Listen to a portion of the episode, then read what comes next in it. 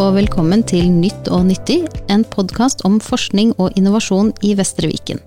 Jeg heter Ingrid Dønåsen og jobber som forskningsrådgiver i Avdeling for forskning og innovasjon i Vestre Viken. I dag skal jeg snakke med Cecilia Smith Simonsen om hennes forskning. Cecilia er nevrolog og overlege på Drammen sykehus med doktorgrad på multippel sklerose. Hun er også leder av Nev Research, klinisk forskningsgruppe for nevrologi, revmatologi og rehabilitering. Velkommen, Cecilia. Veldig gøy å ha deg med i podkasten. Takk skal du ha, Ingrid. Veldig hyggelig å være her. Eh, har du lyst til å begynne med å fortelle litt mer om hvem du er og hva du jobber med? Ja, altså du har jo dekket ganske mye. Jeg jobber da på nevrologisk avdeling i Drammen, eh, som er en av de største nevrologiske avdelingene i Norge. Vi har eh, ca. en halv million mennesker ja. som sogner til oss, så det er mange pasienter. Mm. Ja, ikke sant. Og så er jeg da forskningsgruppeleder for denne forskningsgruppa Nev Research, som eh, ble startet i fjor. Så det er en av de fire forskningsgruppene ved Drammen sykehus. Det er jo veldig flott. Ja. Og det betyr at det er en av forskningssatsingene til Vestre Viken? Det stemmer. Ja. Uh -huh. Så uh, har du lyst til å fortelle i begynnelsen litt hva MS faktisk er, før vi går inn på din forskning? Det, det er en god idé. Eh, så multippel sklerose er en nevroinflammatorisk nevroinflamatorisk og degenerativ eh, sykdom. Det betyr at nervene blir angrepet av immunsystemet. Og vanligvis så skal jo ikke det skje, men av en eller annen grunn, som vi ikke helt vet hvorfor enda, så angriper blodcellene myelinet som ligger rundt nervene. Og ja. det betyr at veldig mange mennesker som får disse, denne sykdommen, Eh, får nevrologiske symptomer. Så være det at de mister synet på et øye, eller de ikke klarer å bevege på beina, eller de får nummenhet eller smerter nedover en arm. Det er mange forskjellige symptomer. Ja, Så det kan være all mulig forskjellige Absolutt, mm. ja. Og eh, de kommer gjerne i løpet av timer, dager, og så kan de vare i flere uker til måneder før de da som oftest går tilbake. Men eh, symptomene går aldri 100% tilbake, man sitter ofte igjen med lite grann symptomer. Og etter hvert som man får flere attakker, så får man mer og mer langtidsskader. Og hva er en attakk? Attakk, ja. Godt spørsmål. Så det er jo disse nevrologiske um, symptomene som kommer i løpet av uh, dager, uker. Ja, Så det kommer i perioder? Det kommer i perioder, ja. ja. Nettopp. Og etter hvert så vil man gå over i en da progressiv fase hvor symptomene gradvis bare blir verre og verre. Eh, og eh, heldigvis da, så har vi veldig gode medisiner for multiple sklerose, immunmodulerende medisiner. Så de har revolusjonert måten eh, MS-pasienter blir behandlet. Det vil si, vi, har, vi kan nå stoppe disse attakkene fra å skje, og dermed forhindre at de blir ganske handikappede, da. Ja, så det er ganske annerledes å få denne diagnosen nå enn det var tidligere? Absolutt. Ja. Absolutt. Så før så var den klassiske MS-pasienten satt gjerne i rullestol, en tredjedel uh, satt i rullestol eller ble sykehjemspasienter, men det ser vi jo ikke i det hele tatt nå. Så det har virkelig skjedd store ting med MS i løpet av de siste 10-20 årene. Ikke sant. Mm. Um, for du gjorde jo doktorgraden din på MS. Um, kan du si litt om hva du undersøkte i den, og hva du fant? Ja, så vi eh, Forskningsgruppa mi, da, eller multiple sklerose-forskningsgruppa mi, eh, ledet av professor Elisabeth Celius ved Oslo universitetssykehus. Vi har laget en, en stor eh, Noe vi kalte BOT-MS. Det er en stor register, da. En samling med informasjon om pasienter. Og den har inkludert de fleste MS-pasientene i Buskerud, Oslo og Telemark. Ja. Så BOT-MS er da et akronym for Buskerud, Oslo og Telemark. I tillegg til klinisk informasjon om alt fra start av symptomer og diagnose og, og attakker og behandling, så har vi også sendt ut spørreskjemaer som de har svart på om um, symptomer og sosioøkonomiske faktorer. Og så har vi koblet data med Statistisk sentralbyrå, så vi har veldig mye informasjon om utdannelse og inntekt uh, osv. om denne populasjonen. Ja, så rett og slett mange data fra forskjellige kilder eh, om eh, de pasientene. Det stemmer. Så min avhandling eh, er om eh, den moderne MS-pasienten. Så Ja. jeg disputerte i fjor. Eh, mars. Gratulerer. Ja, det var en av de morsomste dagene i mitt liv. Ja, det var kjempegøy. Selv om jeg grudde meg, så var det veldig gøy. Eh, jeg eh, publiserte fire artikler, og eh, den første artikkelen eh, handlet om hvordan prognosen har endret seg, og hvorfor den har endret seg. Så um, på 80-tallet så pleide man å si at det tok ca. 15 år fra sykdommen debuterte, altså startet, til man var avhengig av en krykke for å Mm. kunne gå. Mens i vår populasjon så fant vi at eh, det var nå økt til 30 år. Så Ja. fra 15 til 30 år på bare to tiår. eh, Det er en vesentlig forskjell. En stor endring. Og selvfølgelig er det lett å si at veldig mye av dette er på grunn av eh, behandling, og det stemmer nok det. Det er en stor Mm. endring der, men det har skjedd så mange andre ting i samfunnet i løpet av disse årene, blant annet at vi diagnostiserer denne sykdommen tidligere. Mm. Så på 80-tallet så sa man at man skulle helst ikke sette denne diagnosen, for det var jo ikke noe behandling, så det var like greit å bare holde Best å seg ikke vite. ikke sant? Hæ.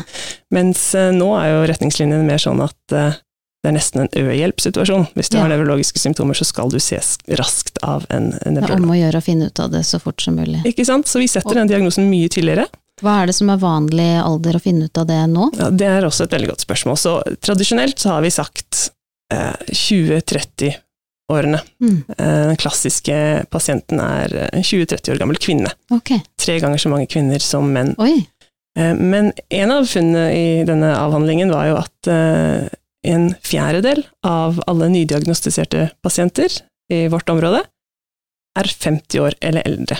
Ja. Så eh, vi diagnostiserer mye eldre pasienter enn vi gjorde før. Mm. Og før så tror jeg veldig mange av disse pasientene de fikk aldri en MR, de ble aldri henvist til en nevrolog.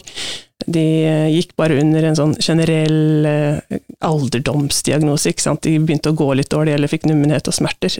Det er alderdom, Mm. eller eh, menopausesymptomer, ikke sant. Men, men nå får de gjerne den MR-en, og så får de den diagnosen. Ja, Mm. ikke sant? Ja. Um, så da, i doktorgraden, så karakteriserte du, altså beskrev, den typisk, eller den moderne MS-pasienten. Det stemmer, ja. Eh, og hva jobber du med det eh, nå, i, i forskningen som du gjør nå? Hva, hvilket fokus har du da? Ja, så eh, denne botgruppa, da, den eh, har jo da kulminert hittil i eh, to doktorgrader. Den Mm. andre doktorgraden, som Heidi Flemmen ved Sykehuset i Telemark eh, har fullført, hun Ja. disputerer neste uke. Um, hun har fokusert på sosioøkonomiske eh, problemstillinger rundt MS. Det blir antag jeg må bare skyte inn at det blir antageligvis ikke neste uke når denne podkasten slippes, men i juni. I juni, det stemmer. Em, eh, og så har Line Broch, som også jobber ved min avdeling, hun har em, fokusert på fatigue og MS. Ja. Fatigue det er da den overveldende trettheten som kommer ved veldig mange nevrologiske sykdommer. Ja. Um, så hun har sett ekstra på det, og hun disputerer da til neste år. ja. Eh, og så har jeg da blitt uh, veileder for to nye uh, stipendiater. Så flott. Så Camilla Brekke, som jobber ved sykehuset i Vestfold. Vi prøver nå å utvide bot til å inkludere ved, så hvis noen har en god idé om hvordan man skal putte en ved inn i Ja. bot, så må dere ta kontakt. Um, og uh, Harald Myklebust, som er LIS ved vår avdeling i Drammen. Ja. Og de skal eh, se mer på dette med aldring og Mm. MS. Altså, det er et stort funn at de er så mye eldre nå enn det de var før. Mm. Hvordan går det egentlig med dem? Um, hvordan går det med denne eldre populasjonen? Og også, skal de ha behandling, sånn som Ja. de yngre? Eh, behandling koster mye, og det er mange bivirkninger ved det. Eh, er det kanskje sånn at på et eller annet tidspunkt så må vi fjerne behandlingen? At det Ja. er bedre det å fjerne den enn at de skal fortsette på den. Ikke sant, så det er ikke nødvendigvis det samme som er bra for de unge og de eldre Nettopp. pasientene. Det er store forskjeller mellom dem. Og eh, vi skal se litt på dette med usynlige symptomer. Så mer på fatigue og kognitive vansker, konsentrasjon, hukommelse og, og smerter osv. Symptomer som veldig mange MS-pasienter er plaget av, men som er usynlige. Så folk kan ikke Mm. se dem. Men det er allikevel kanskje de symptomene som er verst for MS-pasientene. Så vi skal se på det i den eldre populasjonen også. Ikke sant? Mm. Selv så har jeg eh, gått videre på menopause. Ja. For det ser jeg på som et veldig viktig um, tema. Så menopause er da overgangsalderen, ikke sant. Um, og det er gjort veldig lite forskning på MS og Ja. overgangsalderen. Generelt så er det nok ikke gjort i nærheten av nok forskning om overgangsalderen i den vanlige populasjonen Nei, ikke sant. Ja. Og her, som du sa tidligere, så er jo pasientgruppa i stor grad eh, kvinner, da. Ikke sant?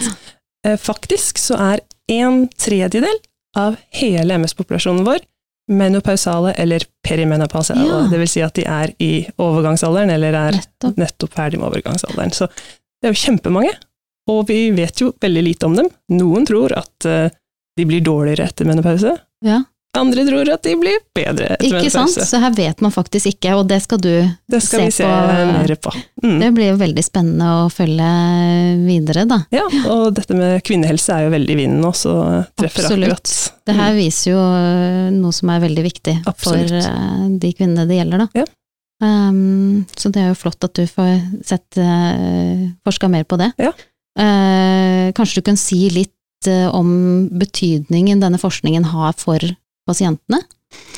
Ja, for det første det at vi har karakterisert dem så godt og vist hvordan det går med den moderne MS-pasienten, det tror jeg kan være veldig betryggende for Mm. mennesker som får MS nå, ikke sant? At de ikke de tenker på de i landsbyen eller de vennens far eller noe som fikk MS og som endte opp på sykehus, at man kan si at sånn er det ikke nå. Ikke sant? Mm. Så det tror jeg er veldig betryggende for disse pasientene. Rett og slett oppdatert kunnskap Ja. om hvordan det er å ha MS i dag. Absolutt, ja. Uh, og så kartlegge og vise at vi har forståelse for at disse usynlige symptomene, da, fatigue, Mm. og at, at det er veldig vanskelige symptomer. Det er viktig å kartlegge dem, sånn at Mm. vi uh, kan begynne å tenke på hvordan vi skal behandle dem best. Ikke sant? Ja. Det vil jeg tro, tro har en sånn at det er meningsfullt for eh, de det gjelder også, da, forhåpentligvis. At det å bli sett for nettopp de usynlige symptomene som eh, har blitt eh, oversett i mange år, kanskje. at ja. noen faktisk tar tak i det og ser på det. Absolutt. Og så tenker jeg også det med menopause. Um, at eh, man ikke bare skal gå ut ifra at alle symptomer som skjer med en kvinne i 40-50-årene må være på grunn av eh, MS-en, men at menopause også har veldig mange overlappende symptomer. Ja. Sånn at man Nettopp. eventuelt skal gå videre med å få behandling med hormoner dersom det er nødvendig, og at ikke man skal legge alt under den paraplyen 'dette må bare være MS'. Nei, faktisk skille på de tingene. Mm. Mm. Veldig interessant. Um, du jobber jo både klinisk og med forskning, uh, hvis jeg har forstått riktig. Ja, stemmer. Mm. Um, hvordan tror du den ene delen påvirker den andre? Ja, Veldig godt spørsmål. Eh, kjempeviktig å ha begge deler, tenker jeg. Når du skal drive med klinisk forskning, så er det viktig at du faktisk ser disse pasientene og, Mm. skjønner de problemene de står i, og, ja. og, og motsatt, at, eh, at man har den oppdaterte kunnskapen for å kunne gjøre det beste for pasienten sin. Mm. Og en stor fordel, ja, du spør jo hva jeg ellers driver med, en stor fordel med å jobbe klinisk er at vi, eh, jeg kan nå rekruttere inn i vår generelle nevrologiske biobank og register, for det er en annen ting som vi har startet med på nevrologisk avdeling. Et, eh, en generell biobank for nevrologiske sykdommer.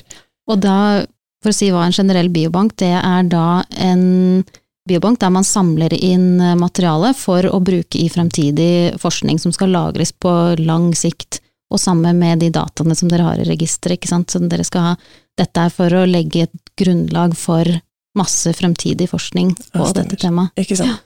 Fremtiden handler nok mye om eh, biomarkører, altså funn i blod og spinalvæske og spytt osv., som kanskje kan si noe om diagnose, prognose, behandlingseffekt osv. Og da, disse svarene har vi ikke nå, men kanskje om noen år så vet vi at en ny Mm. biomarkør er viktig, og da er det veldig fint at vi kan være med på å utvikle disse biomarkørene. Og, mm, Ikke sant.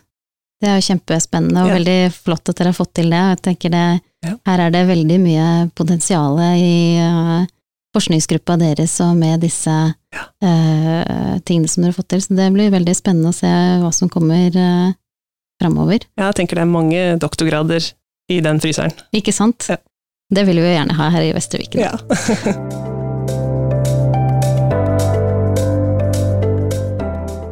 Cecilia, kanskje du kan si litt om hvordan, hvordan er det å være forsker i Vestre Viken? Ja. Eh, Så jeg har tatt eh, doktorgraden min i Vestre Viken, eh, Mhm. 50% over seks år. Ja. Det vil si det ble syv år, for det kom en baby oppi der også. ja. Jeg fikk ca. 70% av midlene mine fra OS, Mm. men eh, jeg fikk også veldig mye mer enn bare midler fra Vestre Viken. Da. Jeg har jo fått forskningslokale og enormt god støtte fra mine ledere.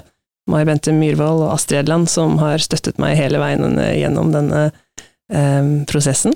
Eh, og selvfølgelig alle pasientene. Så jeg føler jo at jeg skylder enormt mye eh, til Vestre Viken. Det er jo ikke bare bare å ta en doktorgrad. Nei, det er mye arbeid. Absolutt. Eh, Det har vært eh, kjempegøy. Og det har vært en del fleksibilitet, og det er også fint når man har små barn, at du på en måte kan jobbe litt på kveldene og, og heller dra litt tidlig og hente i barnehage.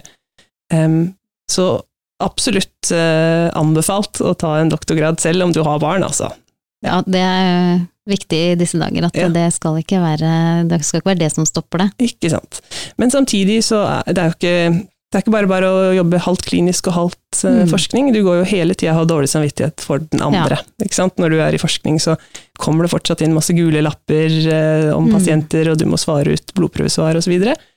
Eh, og når du er i klinikk så tenker du å, nå må jeg, jeg må svare ut den mailen, og jeg må eh, bli ferdig med den artikkelen, og når Mm. skal du få gjort det? Så det er tveget sverd, ikke sant? Men eh, absolutt verdt det. Ja. Eh, veldig glad for at jeg har gjort det. Em, Mm. Er det noe annet som du føler du brenner for innen eh, forskning? Ja, takk for at du spør, Ingrid. Det er faktisk en ting jeg tenkte at eh, jeg skulle nevne. Um, nå er det sånn at nå er jeg ikke lenger tilknyttet UiO, da. Ikke helt ennå. når mine stipendiater blir tatt opp i UiO, så er jeg da veileder for dem, og Mm. kan få tilgang til hele UiO, altså Universitetet i Oslo sin eh, eh, sitt eh, journalsystem, eller ikke journalsystem, men altså tidsskriftene og Ja. biblioteket til UiO. Eh, Men inntil det, så er jeg da helt avhengig av det som Vestre Viken kan tilby, og det ja, Av tilgang til vitenskapelige tidsskrifter artikler, og ikke sant. Ja.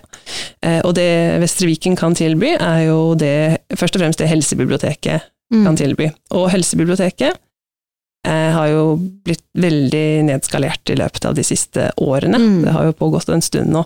Så for eksempel New England Journal of Medicine, som er eh, en av de største tidsskriftene i verden, om ikke det største tidsskriftet i verden, det har ikke Vestre Viken tilgang til eh, lenger. Og det gjelder også Yama, altså Mm. Viktige tidsskrifter Viktige som er eh, veldig relevante å få tilgang til for å ha Ja. eh, den oppdaterte kunnskapen, rett og slett. Det er helt riktig, og, men også små eh, tidsskrift. Ja. Det er jo flere nevrologiske sykdommer som er litt sånne nisjesykdommer, da. Ikke sant? Og når man ikke har tilgang til eh, de litt mindre nisjejournalene, så er det jo også vanskelig å gi den beste behandlingen til pasientene sine.